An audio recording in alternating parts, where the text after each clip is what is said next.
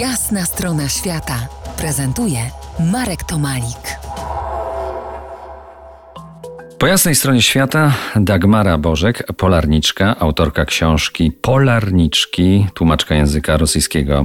Proszę przypomnij w skrócie początki pierwszych polskich wypraw polarnych, kiedy nasz polarnik wdarł się do krainy lodu i kiedy uczyniła to pierwsza polarniczka. Właściwie y, pierwszy kierunek to była Antarktyka i koniec XIX wieku. Dwóch Polaków, Henryk Arctowski i Antoni Bolesław Dobrowolski. W tym momencie Polska no, posiada dwie placówki, które są nazwane y, nazwiskami tych dwóch badaczy polarnych. Ale Byli wtedy Polska była pod zaborami i oni płynęli na statku belgijskim. Zgadza się. To była pierwsza wyprawa antarktyczna organizowana przez Belgów głównym, no, Pytra dzisiaj powiedzielibyśmy kierownikiem tej wyprawy był Adrien de Gerlache, y, Belg, związany z marynarką, człowiek, który nie był naukowcem, a akurat poszukiwał osób, które wzięłyby udział w takiej wyprawie w nieznane, bo właściwie to był cały czas nieodkryty ląd, południe. Chciano zobaczyć, jak wygląda Terra Incognita, Terra Australis, czyli ląd położony daleko na południu.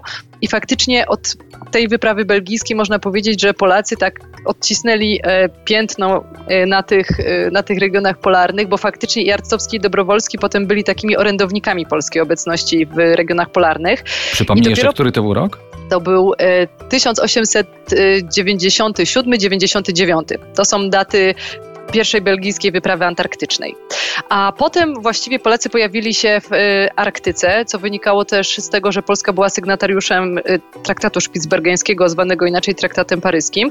I to było już dwudziestolecie międzywojenne, więc potem konsekwentnie y, pojawiały się tam wyprawy w regiony arktyczne, które no niestety zostały brutalnie przerwane przez wojnę. Natomiast później wrócono do rozważań i do chęci pracy w regionach y, polarnych po wojnie i to pojawiło się już w latach 50.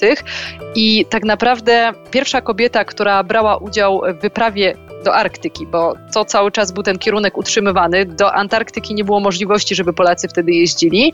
E, to była pani Zofia Michalska z Uniwersytetu mm, Warszawskiego, geograf i to był 58 rok. I faktycznie pierwsza kobieta na wyprawie letniej, bo oczywiście o całorocznych wtedy nikt nie myślał i to zostało odnotowane w literaturze, we wspomnieniach uczestników tamtej wyprawy.